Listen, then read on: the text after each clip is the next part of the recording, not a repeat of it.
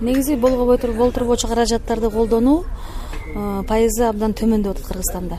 Эки миң он бешинчи жылы ала турган болсок бул көрсөткүч отуз пайызга түшкөн азыр болсо он алты пайыз болуп калды жарымына чейин түшүп калды. Бул эң жаман көрсөткүч деп айтсак болот себеби ошол эгерде бул көрсөткүч ылдыйлаган сайын бизде эмне көйгөйлөр көтөрүлөт? Биринчи каалабаган кошпойлуктан эң биринчиден ташталып кеткен балдардын санынын көбөйүшү ошондой эле аборттордун санынын көбөйүшү анан каалабаган кошпойлуктан төлөгөн балдар. Ушул баягы эң негизги көйгөй атат да ошондуктан бул маселени азыр биз ошол мамлекет деңгээлде көтөрүп чыгышыбыз керек. Эми азайганын себептери көп. Эмне себептен колдонуу азайып атат? Эң биринчиден он бешинчи жылга чейин гуманитардык жол менен келчү бул каражаттар. Азыр ал гуманитардык жардам токтолгон. Тилекке каршы аялдардын баардык аялдардын ошол каражатты сатып алууга баарынын дарманы жетпейт. Ал эмне каражаттар аябай кымбатпы же кымбат. Ар бир каражат мисалы үчүн таблетканы ала турган болсок үч жүз сомго чейин барат. Айына ал жок дегенде үч жүз сомго ошол каражатты алып туруш керек да. Презервативди сатып алган сатып ала турган болсок мисалы үчүн бир айга бир он он беш презерватив кетсе ал дагы э, чөнтөккө баягы ар кайсыдан баягы семейный бюджеттен алыш керек спиральды салдырганга да барып ошол бир салдырып келгенге дагы аяка дагы бир миң сомдой акча төлөш керек да. Ошондуктан баардык эле үй бүлөлөр өзүнө мүмкүнчүлүгү жок үй бүлөлөр өзгөчө барышпайт да. Анан эми кудай сактасын деп эле ар кайсы баягы биздин народный методдор менен сактанышат да. Кандай мисалы календарный деп коет баягы күндөрүн санайт же болбосо подмывание спринцевание кылып коюшат бирок тилекке каршы ал деген жүз пайыздык баягы кепилчиликти бербейт ошондуктан көбүнчөлөр баягы каалабаган кошпойлуктан болуп калып эле анан абортко чуркашат же болбосо айласынан балдарын төрөшөт. Анан көп балалуу болуп жөө балага билим бере албайт. Жөө баланы э, татыктуу тамак аш берип чоңойто албайт да анан ошондуктан көптөгөн балдар кыйналып анан жанагындай оор ал акыбалда төрөлүп атышат. Ошол эле жана айтып кеттим го жылына Э, он беш он алты миңге жакын аялдар жылына эки жолу төрөгөн аялдар кыргызстанда он беш кыргызстанда ооба жүз элүү миң жүз алтымыш миң төрөт болсо ошонун ичинен он беш миң он алты миңи жылына эки жолу төрөйт.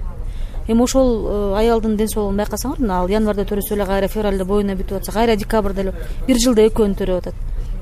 Анемия болуп атат аскандуулук э бизде жетимиш пайыз аялдар аскандуулук анан эми ошол аялдын эки баласынын ден соолугу кандай өзүнүн ден соолугу кандай? Анан ошол отуз кыркка чыкпай эле ошол аялдар абдан баягы өзүнүн ден соолугун жоготушуп анан баягы ишкерлиги трудоспособность снижается на нет. Аборт боюнча кыргызстандын көрсөткүчү кандай э, кандай түрүн кылат аборттунчу азыр негизи аборттун көрсөткүчү официалдуу түрдө жыйырма миңден ашык аборт катталат жылына. Бул официалдык статистика. Официалдык эмес статистика бар. Себеби баардык аборттун баарын катташпайт он аборт жасалса экөөнү каттайт сегизөөнү баягы көргөзбөй өздөрүнө баягы алар да күн көрөбүз деп чөнтөгүгө салышат да көбүнчө статистика мындай дүйнө жүзү боюнча аборттун туура статистикасы жок дүйнө жүзү боюнча. Бул абдан оор э, маселе болгондуктан Э, анан частный клиникалар жасайт алар да канчалык статистиканы берет бербейт эч ким билбейт. Ошондуктан бул көрсөткүч официалдуу түрдө жыйырма миңден ашык аборт негизи э, бизде аборттун үч түрү жасалат биринчи жанагы кюритаж деп коет кырып чыгарма экинчиси сордуруп алдырма. Анан үчүнчүсү жанагы таблеткалар менен түшүрүү дүйнө жүзү боюнча мисалы үчүн кырдырма деген метод бүткөн баягы өнүгүп аткан өлкөлөр ал методду такыр колдонбойт тилекке каршы бизде колдонот. Бирок мына акыркы эки жылы ал акыбал оңолуп келатат. Э, биринчи орунда жана сордуруп алуу методу турат экинчи орунда жана дары менен түшүрүү методу турат анан үчүнчү орунда жана кырдыруу методу турат. Негизи ушул абортту кошпойлуулуктан коргонуу катары көргөндөр барбы бизде? Ооба кээ бир аялдар ооба ыйым аборт жасатып коем эмне болмок эле деп эле бизде мына сурамжылоо жүргүзгөндө жок дегенде биздин аялдардын жарымы жок дегенде өмүрүндө бир или эки жолу аборт жасаткан экен да. Ошондуктан э, абортко мындай аябай жеңил ой менен мамиле кылышат да. Эми алып коет эмне бат эле ал түшүрүп коет бат эле деген ой менен. Ал жеңил эмеспи? Жок ал жеңил ар бир аборт аялдын э, ошол жанагы тукумулуу репродуктивный здоровьясына таасир этет. Кийин көп көп аборт жасаткан аялдардын кийин шишик оорулары көп болот. Жанагы миома раковый заболевания ошонун себеби жаңы өнүгүп келаткан бала өнүгүп келаткан организм баягы баланы төрөйүн деп даярданып келатканда эле биз туруп туруп эле ошону алып салып атпайбызбы эмне сунуштайсыздар кандай саясат болушу керек? бул э, мамлекеттик деңгээлде мындай улуттук маселе болуш керек. Себеби биз айтып атабыз э, жакшы балдар төрөлүш үчүн сапаттуу балдар төрөлүш үчүн эненин ден соолугу чың болуш керек деп атабыз. А эненин ден соолугу чың болуп жанагы балдардын оорусунда аралыкты сакташ үчүн алар сактаныш керек. А сактанганга каражат жок болуп атат. Өзгөчө жакыр үй бүлөдөгүлөр анан бизде мисалы үчүн жүз алтымыш миң төрөт болсо ошолордун ичинин көбүнчөсү жакырлар төрөп атпайбы. Анан ошого карата ошо жок дегенде өкмөт баягы каражатты көбүрөөк бөлүш керек. Бизге мисалы үчүн мына жыл сайын азыр бөлүнүп берип атат жанагы айрылуу катмардагы айымдарга каражаттар. Бирок ал каражат он эле пайызын охват кылат да он эле пайызын калгандары эмне калгандары эмне кылат? Аптекага барып үч жүз сомго сатып алганга мисалы үчүн айылда биз сурамжылоо жүргүздүк. Мына гуманитарка бүтүп калды сиздер эми кантип сактанасыздар эми кудай сактаса көрөбүз да эми көрөбүз да. Жок а эгерде сатып алыш керек болсо үч жүз сомду айына бөлгөнгө даярсыз болсок жок андай акчабыз жок дейт. Дары дармекке келгенде акча жок болуп калат. Черный кассага келгенде акчасы чыгат. Беш миңден он миңден э а ушундайга келгенде биздики жок андайга биз күбө бербейт деп коюшат кээде аялдарчы. Анан бирок э, эң негизги маселе бул аялдардын үй бүлөнүн өзүнүн жоопкерчилиги. Баарын эле медицинага үйүп коюп атпайбы врачтар ойлонсун врачтар кылсын деп жок. Анан кээ бирөө ойлойт былтыр боюнча каражаттарды саттырып силер э, кыргыздардын санын азайтып атасыңар андай эмес. Биз айтып атабыз аял киши он сегизинен кырк беш жашка чейин төрөсө болот. Эгерде ошол аралыкты жок дегенде эки жарым жылдан сактаса он он экини төрөсө болот.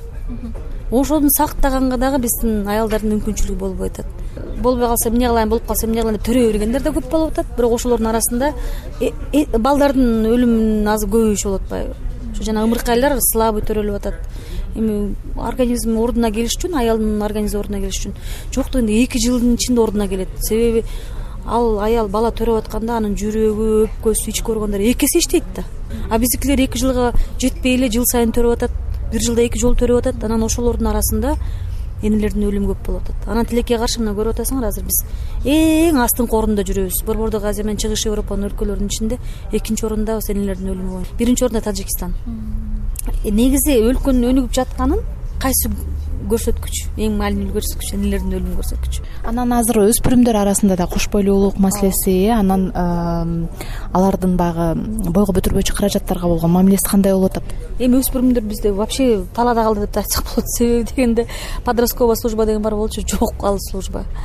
Жаш өспүрүмдөр поликлиникага бара албайт бирок тилекке каршы азыр өспүрүмдөрдүн арасында жыныстык катнаш болуп атат өспүрүмдөрдүн арасында аборт көбөйүп атат. Мына жылына бир жарым миң өспүрүм аборт жасатат. Төрөт төрөт статистика расмий статистика? Төрөт да көп болуп атат өспүрүмдөрдүн арасында. Бирок ошол өспүрүмдөргө өзгөчө мамиле кылып өзгөчө бир э, программалар да жок болуп атпайбы тилекке каршы? Азыр илгери подростковый кабинети деп ошон жок дегенде подростоктор өспүрүмдөр барып ошол жерден бир маалымат алып кайсы каражаттарды колдонсо болот кантип сактанса болот эрте кош бойлуулук эмнеге алып келет аборт эмнеге алып келет деген маалыматты алышат эми азыр азыр каяктан алышат? Интернет булактарын билесиңер туурабы туура эмеспи маалымат? Тоже под вопросом. кыргыз тилинде дагы маалымат аз болуш керек. кыргыз тилинде мындайча айтканда жок деп айтсак болот. Баягы официалдуу түрдө кыргыз тилинде өспүрүмдөр деп. Баягы эми биз могул программалардын алкагында иштеп чыгарабыз бирок ал жетишсиз ал үчүн ал мамлекеттик деңгээлде көтөрүлө турган маселе болуп ошол министерство тарабынан ушул өспүрүмдөргө өзүнчө ушул үй бүлөнү пландаштыруу боюнча кандайдыр бир программалар иштелип чыгыш керек. Президенттин жанагы концепциясы жаңы концепция иштелип чыгып атат э өлкөнү өнүктүрүү боюнча. Ошол концепциянын бир направлениясы бар. Жаш өспүрүмдөрдүн адеп ахлак ден соолук маселесин көтөрүү деген. Ошол концепциянын ичинде ушул маселени көтөрүп ошол өспүрүмдөрдү үй бүлө курууга даярдык көрүү деген бир өзүнчө бир жолду алса жакшы болмок. Тилекке каршы бул жол жок. Ар бир өспүрүм. Үй бүлө курардын астында баягы жетилгенде ошо үй бүлө кураарда эмне керек? Эмнеден кандай изилдөөлөрдөн өтүш керек? Э, кандай маселени биз э, көтөрүп чыгышыбыз керек эркектин ролу кандай аялдын ролу кандай кийин үй бүлө курганда бала кантип пайда болот анан ошол баланы туура өстүрүш үчүн кандай тамактануу керек ушундай элементарный үй бүлөнү курууну кантип куруу керек дегенди жаштар билбейт. Жөн эле барып үйлөнүп алышат да анан үйлөнгөндөн кийин анан башталат. Бул эмне ал эмне анан боюна бүткөндө мен билген эмесмин анан тиги кандай бул кандай. Анан боюнан түшүп калды мен билген эмесмин анан тиги күйөөм айтып атат сен төрөбөй атасың деп аялы отурат сен төрөбөй атасың сен тукумсузсуң деп жаштардын арасында азыр тукумсуздук аябай көбөйүп атпайбы. Өзгөчө эркектердин арасында жаш үй бүлөлөр азыр тукумсуздук менен көп кайрылып атат. Аймактарды аябай көп кыдырат эмессизби анан ушул контрацепцияга бойго бүтүрбөчү каражаттарга болгон мамилени да байкап жүрөбүз да? Аялдар арасындагычы анан мифтер да көп болсо керек. Мифтер эми аябай көп. Эң биринчиден болго бой бүтүрбөчү каражаттарды колдонуу бул только аялдын маселеси деп коюшат да. Бул туура эмес. Бул эркек менен аял ошо баланын тагдырын чечип аткандан кийин экөө бирге отуруп чечиш керек. Бул маселени анан жанагы түрлөрү көп да. Ошо түрлөрү көп анан ой бир жомокторду чыгарат десеңер таблетка ичсең семирип кетесиң анан баспай каласың анан таблетка деген жаман кийин төрөбөй каласың деген. Анан рак кылып салат деп такыр туура эмес маалыматтар. Себеби ошол азыркы медициналык семейная медицина үй бүлөлүк дарыгерлер тобу деп атабыз. Ошолордун арасында дагы баардыгы эле э, ошо биздин медициналык кызматкерлер ушул методы контрацепция боюнча баягы тренингтерди өтүп толук маалымат бергенге мүмкүнчүлүктөрү жок. Ошондуктан элибизге жетпей атат да маалымат. Ошондуктан жанагындай жомокторду чыгарып атпайбы. Спиральди көп салса анан этин өсүп кетет экен. Анан башына жабышып калыптыр спираль баланын башына. Жаман экен. Таблеткалар жанагынтет экен. Анан презервативдер аллергия кылып жаман болуп кетиши мүмкүн экен. Иши кылып көптөгөн жомоктор бар да. Анан кээ бирлер баягы илгерки апа апаларыбыз айткандай ой эчтеке сактанбай эле кой жанагы эле эмелерди алып жөн эле жуунуп койсоң кетип калат деген баягы методдорду колдонушат. Ар бир үй бүлөнүн жоопкерчилиги болуш керек. Ар бир бала каалаган кош бойлуулуктан төрөлүш керек. Бүттү. Мына өзүңөр деле ойлосоңор каалаган кош бойлуу каалаган балаң ичиңде өсүп атса жыргап ошол балаңды эңсейсиң э? Каалаган бала кандай болот? Ии муну дагы төрөбөйүн дедим эле боюма бүтүп калбады эмне кылыш керек? Төрөш керек да э эми муну кантебиз деп байкуш ошо ичинен эле жаман көрүнө баштайт балачы